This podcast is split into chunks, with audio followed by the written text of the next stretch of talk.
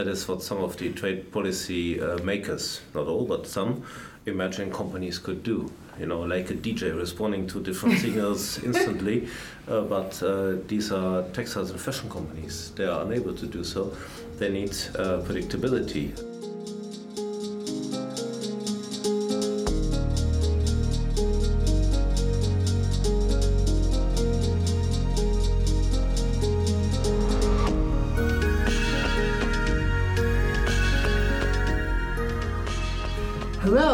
Welcome to a special edition of the International Trade Podcast, brought to you by the National Board of Trade Sweden. My name is Alexander Hernadi, and I'm the host of the podcast. Usually we're in Swedish, but today we have an international setup here in English, directly from Brussels, one of the main hubs of the international trade scene. The reason for this special edition is a report about the use of the EU's free trade agreements. With me today to discuss the content of the report is one of its authors, Jonas Kasting of the National Board of Trade. I also have with me a wide range of companies. Uh, welcome Daria Galperina, Head of International Trade at uh, Pernod Ricard. And I also have with me um, Kwang Wo Lee from the Korea Customs Service, as well as Ralf Kamphöner, Head of Foreign Trade at the Confederation of German Textile and Fashion Industry, and also Massimo Trabucco from Nestle. Welcome, everybody. Thank you. Thank you. Thank you. Big lineup.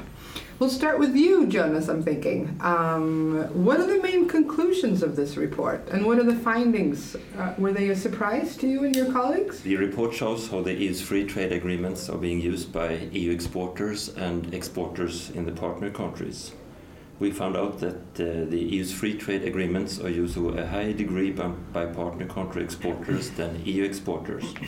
Partner country exporters use the free trade agreements to about 90% based on value, but EU exporters only make use of the free trade agreements to about 60%.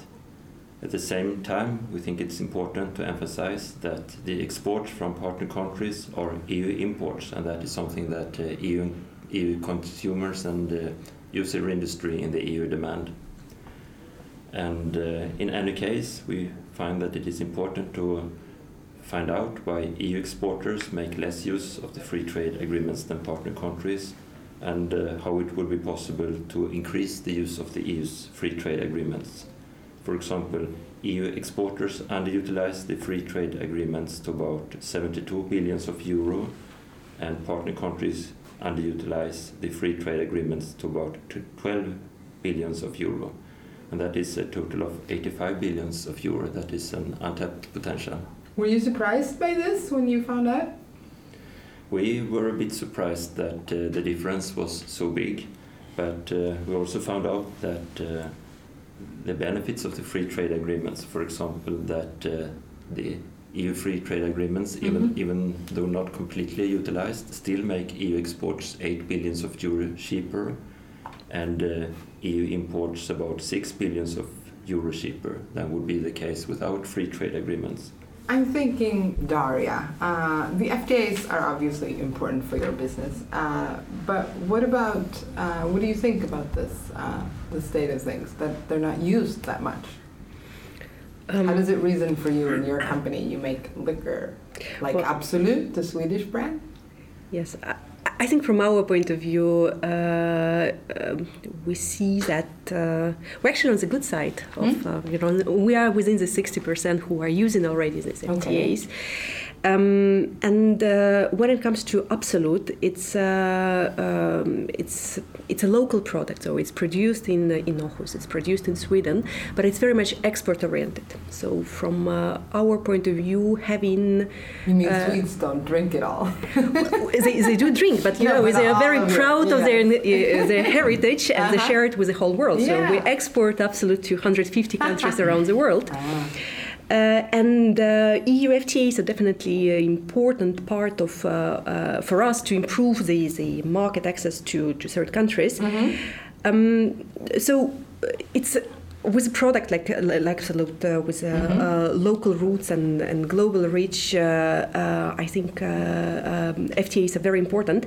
Now, when I look at FTAs, I think there is still ways to improve the situation. Mm-hmm. Oh, that's interesting. Tell me. Um, in a sense, I think uh, what we typically focus on in FTAs is the elimination of import duties. Mm-hmm. And it's extremely important for our sector because uh, overall the import tariffs are very high. Uh, for um, alcoholic beverages.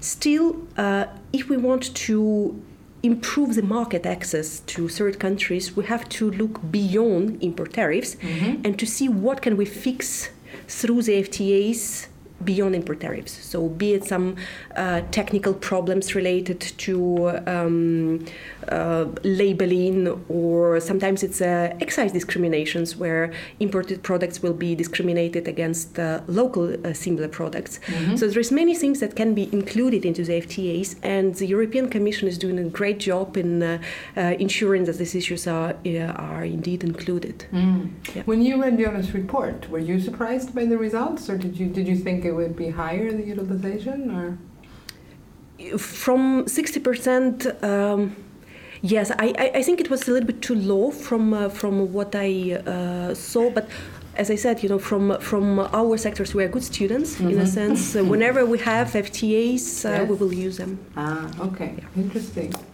Mr. Kamphöner, I was wondering, how does the German textile and fashion industry feel about FTAs? Are they important for the business? Um, look, uh, I give you the example of yes, please. a shirt.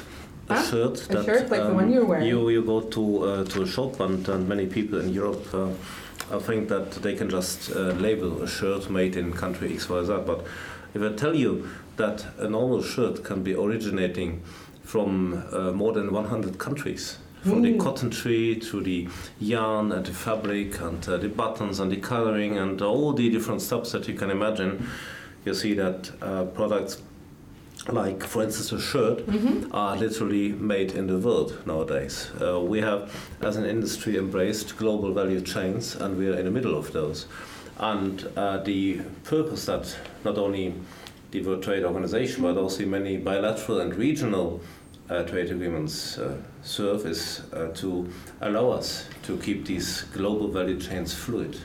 Uh, it's an important purpose the one thing is about opening trade, mm-hmm. opening markets for import and for exports, granting us the access to the uh, various raw materials, uh, to the um, fabrics and the different uh, ingredients, components that you need uh, as a producer, mm-hmm. but also to uh, give us the possibility to export. So.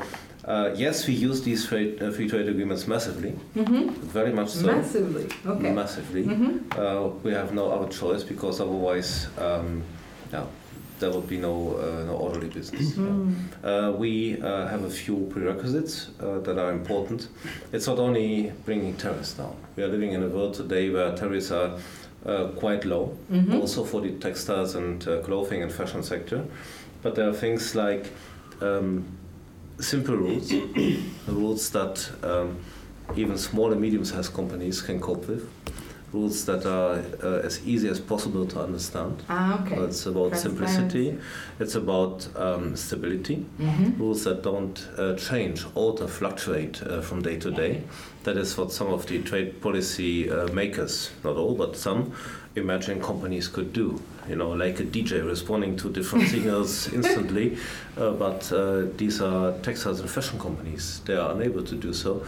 They need predictability. Also, uh, because they have long-term relationships with their suppliers worldwide, and you don't switch your supplier in Asia, for instance, from one day to the other. That's uh, impossible. So simple, stable, and predictable. These are three words that are very important to us. No DJing.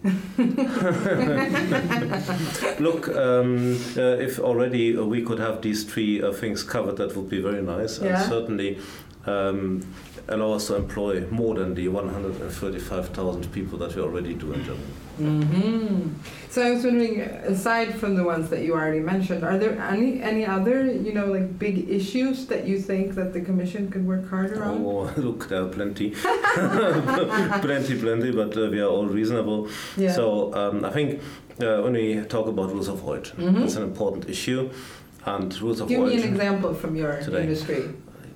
I take uh, the example we had with the uh, shirt that uh-huh. comes from 100 countries. Yes. Now, uh, of course, uh, you need to know uh, what import tariff you have to pay for all your ingredients that you need, because it depends on the uh, country of origin that mm-hmm. is chosen for customs purposes, how much you have to pay when the product is cleared through customs.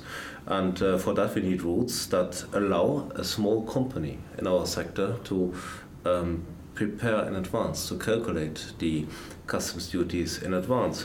But then uh, you have things like the so called pan Euromed cumulation, mm-hmm. where you have um, a lot of countries, you have a two digit number of countries um, that can all use different ingredients, and uh, it's a very complex system of origin cumulation. Uh-huh. For a big company, that is less of a problem because they have their specialists, their customs experts, and they can, at the end of the day, cope with that very well.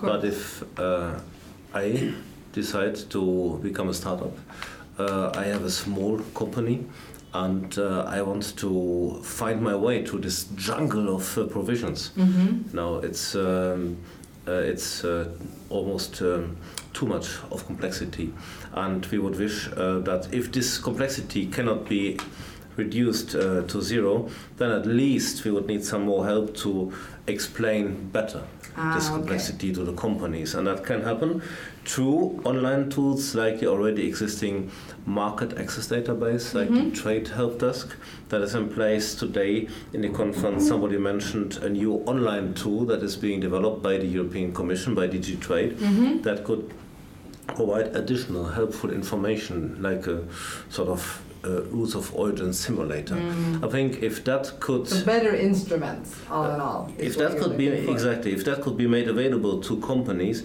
that would be uh, extremely helpful. Apart from uh, the fact that um, as a trade association we always have to recognize also our own responsibility to inform our members accurately mm-hmm. about the provisions that are existing and about the ways and means uh, how companies can find their way and how we can maybe also send uh, the one or the other small signal to the European Commission how they could further improve the, mm-hmm. the rules of origin. I get it.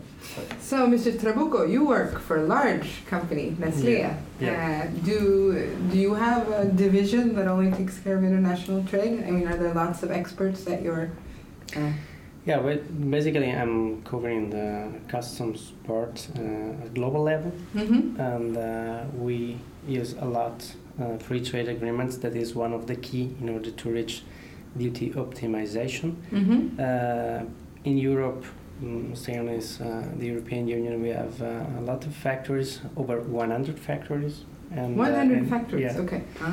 Uh, we have 415 factories all around the world, so okay. we are quite present all, in mm-hmm. all, whatever angle on the world. Back to your questions, yes, indeed, we are uh, we have experts uh, in most of the countries. However, we try as much as possible also to keep a kind of central governance on on, on global trade, uh, mm-hmm. global trade issues, mm-hmm. Uh, like never before, I would say, because global trade is something that um, is uh, very important uh, as of today, as I said, like never before for Brexit and you know whatever happening in, on the other side of the ocean, I would say. uh, but it's important also to uh, keep uh, uh, consistency in terms of the use of FTA or classification. Back to my mm. matter of expertise in these mm. sense. The knowledge of the FTA, how present is it in your company? I mean, are CEOs involved in FTA discussions, or is it just one expertise, like the one that you represent? I would say that, uh, um, as, as, as, we as we say in, in, in Nestle, any kind of strategy needs to be based on some fundamentals mm-hmm. issues like tools, processing, and expertise. In, in the order, let me say tools, expertise, and processes. So the company decided to invest on tools in order to have visibility on our uh, international trade mm-hmm. transactions. Mm-hmm uh, we are training people in the markets to get used to this kind of tools. So this is the second key of the success that is uh, expertise internal. Mm. So back because it's point. such a big part of the business. Exactly, side. exactly. And third, last but not least, I would say the process in such a complicated and uh, uh and uh, really truly global company. We need we need process. Uh, so back into your point, uh, we are not escalated to the CEO given the dimension of the company. Mm-hmm. But in all the markets, we keep uh, somebody really expert can uh, contact and be in contact with the, with the Center on Global Trade Issues, mm. in particular FTA mm. optimization. Is this a very recent? Uh... Yes, I would say the more and more the company is uh, uh trying to coordinate at global level or at least at regional level -huh. these kind of uh, uh, matters. Uh, and yes, it's it's something is is a uh, is a trend that uh, just started a few years ago, and, and I believe that it will continue, and I would say with with great success. Okay. So, Mr. Lee, uh, in South Korea, I know you have quite the experience of working to increase FTA utilization. Yeah. Uh, I would love if you could share with us some of your experiences of encouraging businesses. I'm actually, in particular, thinking about the FTA bus that I know that you yeah. have. What is an FTA bus? well, is actually, it a bus with free trade agreements that they sort of deliver?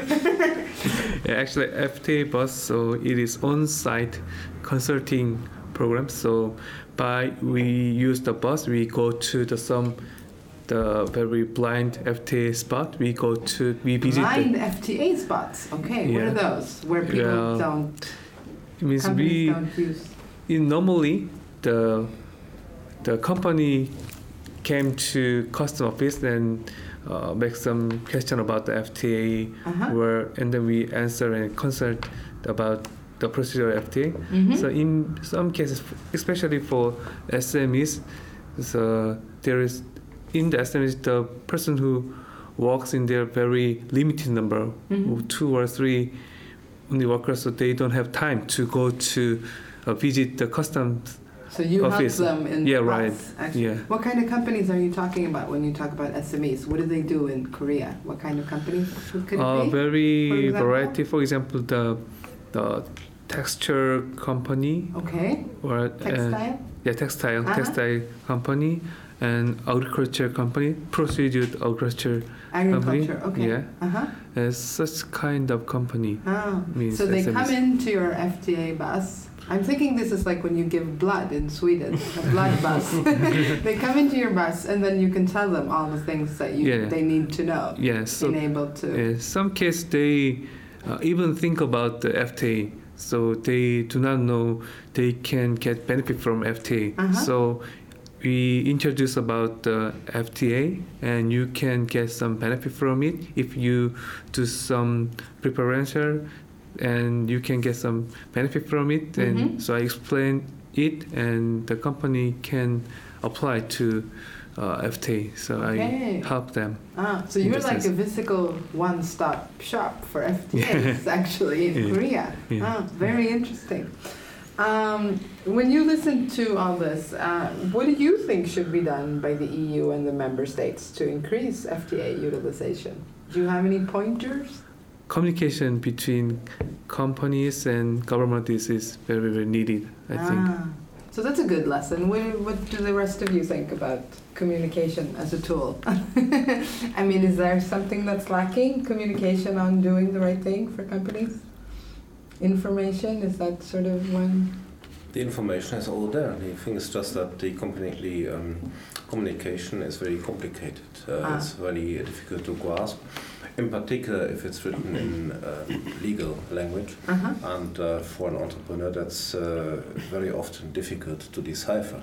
So we need some sort of like uh, translation tools, and uh, uh, some of these tools are already existing in place. right. In place, they are existing on the website of the European Commission of mm-hmm. DG Trade. Mm-hmm. But maybe um, the work that is in progress on a new online tool on rules of origin could be um, um, brought uh, to um, to some more um, how should I say perfection, mm-hmm. and um, then we um, need to, to find out if that could work.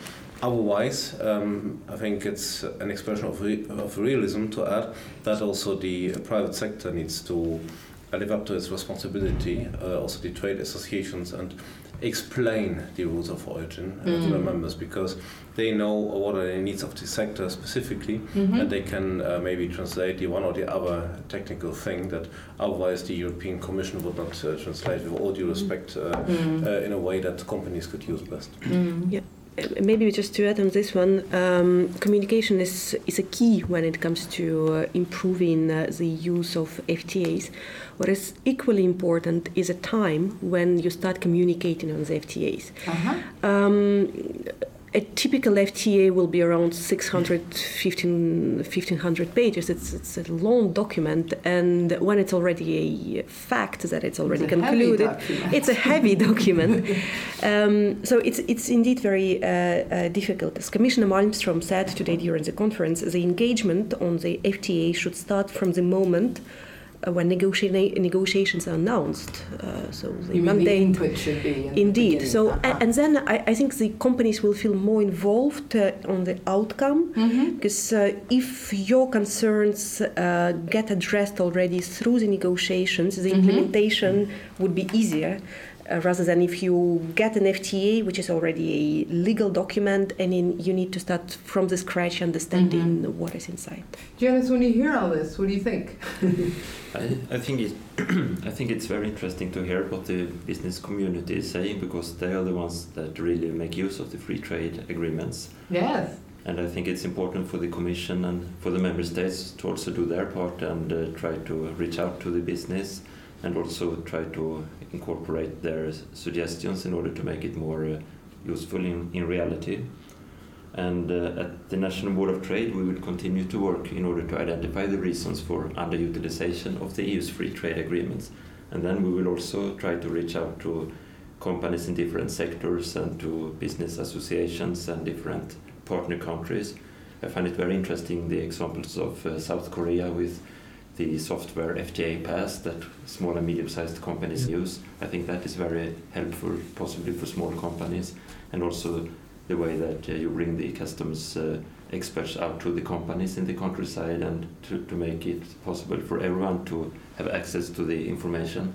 I think the European Commission and the member states could could learn a lot of these initiatives. Mm. And I also think that for the EU, it's important also to focus more on the importers in the partner countries because the importers are the ones that benefit in the end by the tariff reduction and possibly in, in order to make the EU exporters utilization higher, I think we should focus also on the importer side in order to uh, make maximum use of the free trade mm. agreements. You said you were going to do another study as to the why factor, I'm thinking. Yeah, when, when do you think this will be available? I think by uh, we will start after the summer and about uh, by the beginning of next year we hope that the study ah. will be finished. But uh, we will of course have seminars and workshops in between in order to to yeah, reach out to companies to discuss with uh, different partner countries. And uh, we are also planning a study where we will try to identify the size of the companies that are using the free trade agreements because today there is no knowledge about uh, the size of the companies. We can see the value of trade, but we cannot see which companies are using the free trade agreements.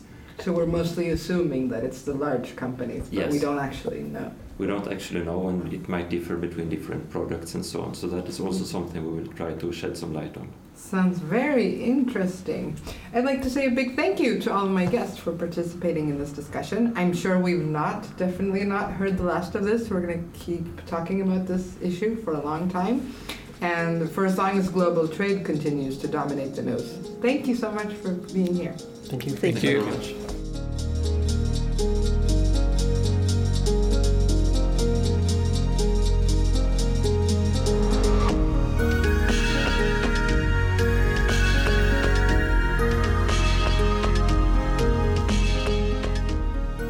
You've been listening to the International Trade Podcast brought to you by the National Board of Trade Sweden. Follow us on Facebook, LinkedIn, and Twitter, where we're known as Kommerskollegium.